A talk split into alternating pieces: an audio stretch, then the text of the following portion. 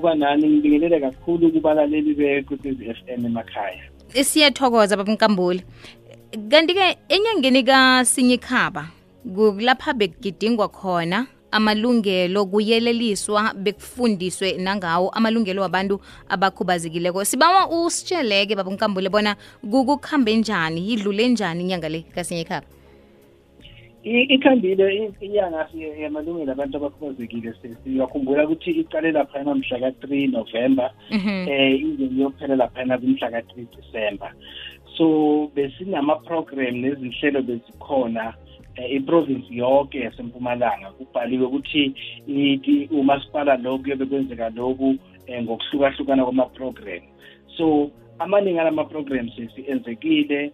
Nami ngihambile kwezinye indawo ngafika um kwaKafontein kwenzeka ama-programs ahlukahlukile. Ahambe kahle kakhulu abantu abakhubazekile batholile i-information um abanye bakhona batholile um ukukhulunyiswa ngabaphathi and then um bayigidinga kamnandi inyanga lena yabantu abakhubazekile kodwa-ke amanye ama-program akakhonanga ukuchubeka nezizathu ezikhona zabo-covid um nokunye sesi usatsho njalo nkambule usakhuluma nge-covid. Umnyaka ka-2020 lo ube ngohluke khulu ngendlela eziningi kithi sonke um abantu abakhona ephasini. Yeke zikhambe njani izinto siqala khulu ngakulelo hlangothi? Yo silo mnyaka lona usithathe by surprise all of us know? Um indaba ye-covid ilahlise i-program yonke yonyaka wonke ngoba ivele ngesikhathi lapho ama-programs asaqala sisafuna ukubuka iy'nhlelo ezinaya kubantu abakhubazekile sibuke ukuhlala kwabantu abakhubazekile. Kodwa kwema konke kwatititi kodwa-ke sibonga uzima ukuthi noma kunjalo um sikhonile ukuphila size sifike isikhathi samanje um i-awareness yenzekile kakhulu. Kubantu abakhubazekile despite lokuba khona kwe-covid um futhi thina ke buyisithwenya kakhulu ke i-covid sithi ngoba um uma nje ukhumbula ukuthi um kufanele ukuthi ugcoke i-mask manje eh udef kodwa awuzwe ezindlebeni akwazi ukukhuluma. So uma uvala i-mask umlomo kusho ukuthi vele nenkulumo le ayihambi ngoba abanye abadef phela babona ngokuthi bafunde ama-lips lawa ukuthi ashona ngakuphi uma ukhuluma yabo uma ubuka abantu abane-albinism laba abanebala elimhlophe um bakhalile kakhulu ngokuthi uma bangena la itolo kulungile siyasanitizer kodwa le sanitizer lena iyazidla izandla lezi manje. Isikhumba sabo isikhumba sabo siyalimala kakhulu. Uma nje azongena iy'tolo ezintathu um afake different types of sanitizer khumbule ukuthi isikhumba sabo siyazwela kakhulu. So siyalimala ngale sanitizer kodwa eh kufanele ukuthi siyifake sisi.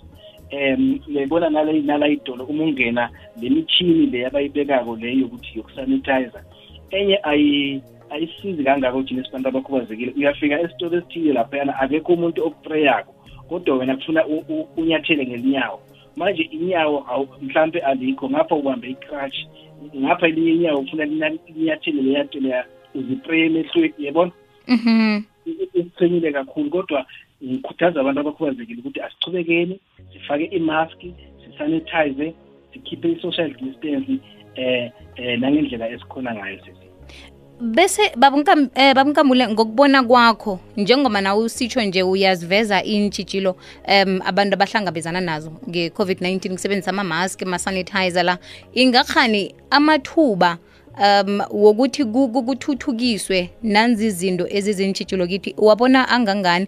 Kungakhoneka ukuthi mhlambe sihlangane sibonisane ukuthi la kwangalithuba lebhizinisi singazenzela into ezokufanela thina ezokuhambisana nendingo zethu. Singakhona kakhulu sisi ngibiza nje kakhulu ukuthi kulabo abaphethe lama-program um kungakuhle ukuthi baqale uma i-product izophuma ba-check-e nakubantu abakhubazekile ukuthi heyi um sifuna ukuletha nayo into nayo izoniphatha kanjani nina? Uyabona nje i-mask ngiyibonile manje imask lenyele khona la iyakhona ukuthi iyakhona ukuthi iveze lama-lips uyabona? So ya yes uyayigcoka kodwa iveze ama-lips then uyakhona ukuthi ureglive lapha kulo muntu. So i-input sifuna kuyenza singabantu abakhubazekile. Sisho ukuthi e-e eyitolo lapha akube khona umuntu opreyako ngale sanitizer yabo? Khona ngizothi mina uma ngifika um angimtshele ukuthi ngipreye ezandleni nazi izandla yabo? Le nto ingabhekani nami kuphela. Nje. So nathi singacontribute sibantu abakhubazekile mhlawumbe amathuba nawo umsebenzi futhi angatholakala ngokwenza njalo ngiyakuyizwa. Okhunye uthola ukuthi nasi unjengam nje ufaka amableri na ukuhamba kwendleleni apha ufake imask kuya nokuya usaboni ngoba sekunestim kufanele ngijame ngikhethe ukuthi ngikhuphe imask le namkha ngikhuphe amableri la ngiyawasula ngiwabuyisele kodwa ngezinye sentshitshilo esikhona ya kunjalo sesi kunjalo kodwa into kufanele siphile nayo ngoba eh phela sizama ukuthi sivikelane uyabo? Eh funa ukuthi ngivikele wena nami ngiphinde ngizivikele futhi. So asiphile nje phakathi kwale kwaloko mazima. Uma ufakile imask yakho usuzwa ukuthi iyakusuffocate uyayikhipha kancane ukuthi uthole ukuphefumula kodwa uphinde uyibisele futhi ngoba asazi ukuthi ukugula kokuphi lapha emoyeni. Mhm. Baba unkamule nase siqala kuhle indaba yamalungelo wabantu abakhubazekileko. Asikhulumi ngento ethinda kwaphela umuntu okhubazekileko namkha kufanele yaziwe mumuntu okhubazekileko. Mumuntu wonke ngokubona kwakho siyafundiseka sisichaba ngamalungelo la nakhona ke sele siqala ukufundiseka njalo siyakwenza lokho esifundiswa khona. ngiyacabanga senza ukuthi siyafundiseka njengaloku usho amalungelo omuntu okhubazekile ayafana namalungelo omuntu ongakakhubazeki. Kahle kahle ku-constitution ayikho ukuthi okay nanke amalungelo abantu abakhubazekile nawo amalungelo abantu abangakhubazekanga cha. Amalungelo ayafana wonke. Manje into lokufanele siyenze and into lesiyenzayo manje kulokuthi sifundisa umphakathi lo esihlala nawo ngokuthi thina amalungelo um kufuna ukuthi asiphathe kanjani. So lokufundiseka lokho sisi kuhambile isikhathi eside kakhulu. Uyakhumbula ukuthi sibuya eminyakeni eh lapho abantu abane-albinism labanebala limhlophe bebabulawa kakhulu kule minyaka lephelile eh ngokuhamba siye emphakathini sibafundise ukuthi hayi bo ibala elimhlophe lomuntu one-albinism alenzi umuthi. Um abantu bayafunda kancane kancane yabona ingqondo iyashintsha. abantu abane abangaboni eh khona manje kunezinkinga zokuthi eh leli gciwane lingabathola ngasisha ngoba bona bayabamba ngezandla lapha nalapha nalapha siyabafundisa abantu bakithi. Yabo abantu abadefu kubaleke kulekile ukuthi sifundeni i-sign language. Sikwazi ukuthi kukhuluma nabo sicommunicate nge-sign language because i-sign language isiyoba i-language yesi-twelve manje. So nawe wonke umuntu nawe lapho esifilo sethu uyadingeka ukuthi ufundiseke ngokuthi abantu abadefu bakhulumiswa kanjani.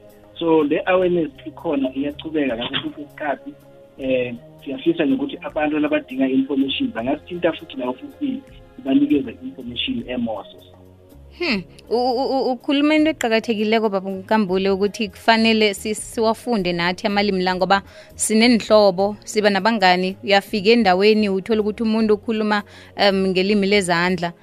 Angikhona ukumkhulumisa ngoba angilazi ilimi alikhulumako kanti lingelinye lamalimi ekufanele vele siwazi lingelinye lamalimi kufanele silazi ngiyacabanga nje ukuthi uma kufika umuntu okhuluma ngezandla ngaso sonke isikhathi manje sokufuna ukuthi uthathe ipen umbhalele phansi yabo kuyasupha kakhulu kuyavilaphisa. Uzocabanga ukuthi kangangani umuntu ongakwazi ukufunda kodwa uyakwazi ukukhuluma nge-sign language? Hey. So uma ubhale phansi angeke abone lutho. Kanti uma utholile le basic sign language skills uyabona ukwazi nje ukuthi sawubona unjani igama lakho ubani ngingakusiza ngani? In those basic things ziyadingeka ukuthi wonke umuntu azazi e-south africa le.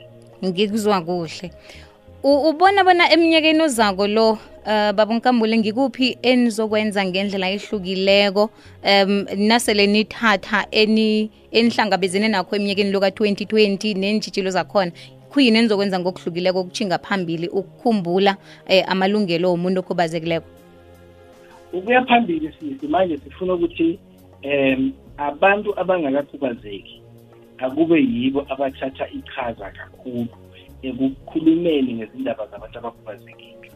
Ngoba sifuna ukubreaka eh le le bridge yokuthi kunabantu abakhubazekile kunebantu abangakakhubazekanga. Asithole abantu abangakakhubazeki bafundise nawo umphakathi. Ngoba uma uya laphayana eKwaGafontein um uyambona umuntu uthi ukhubazekile kodwa umakhelwane wakhe akakhubazeki.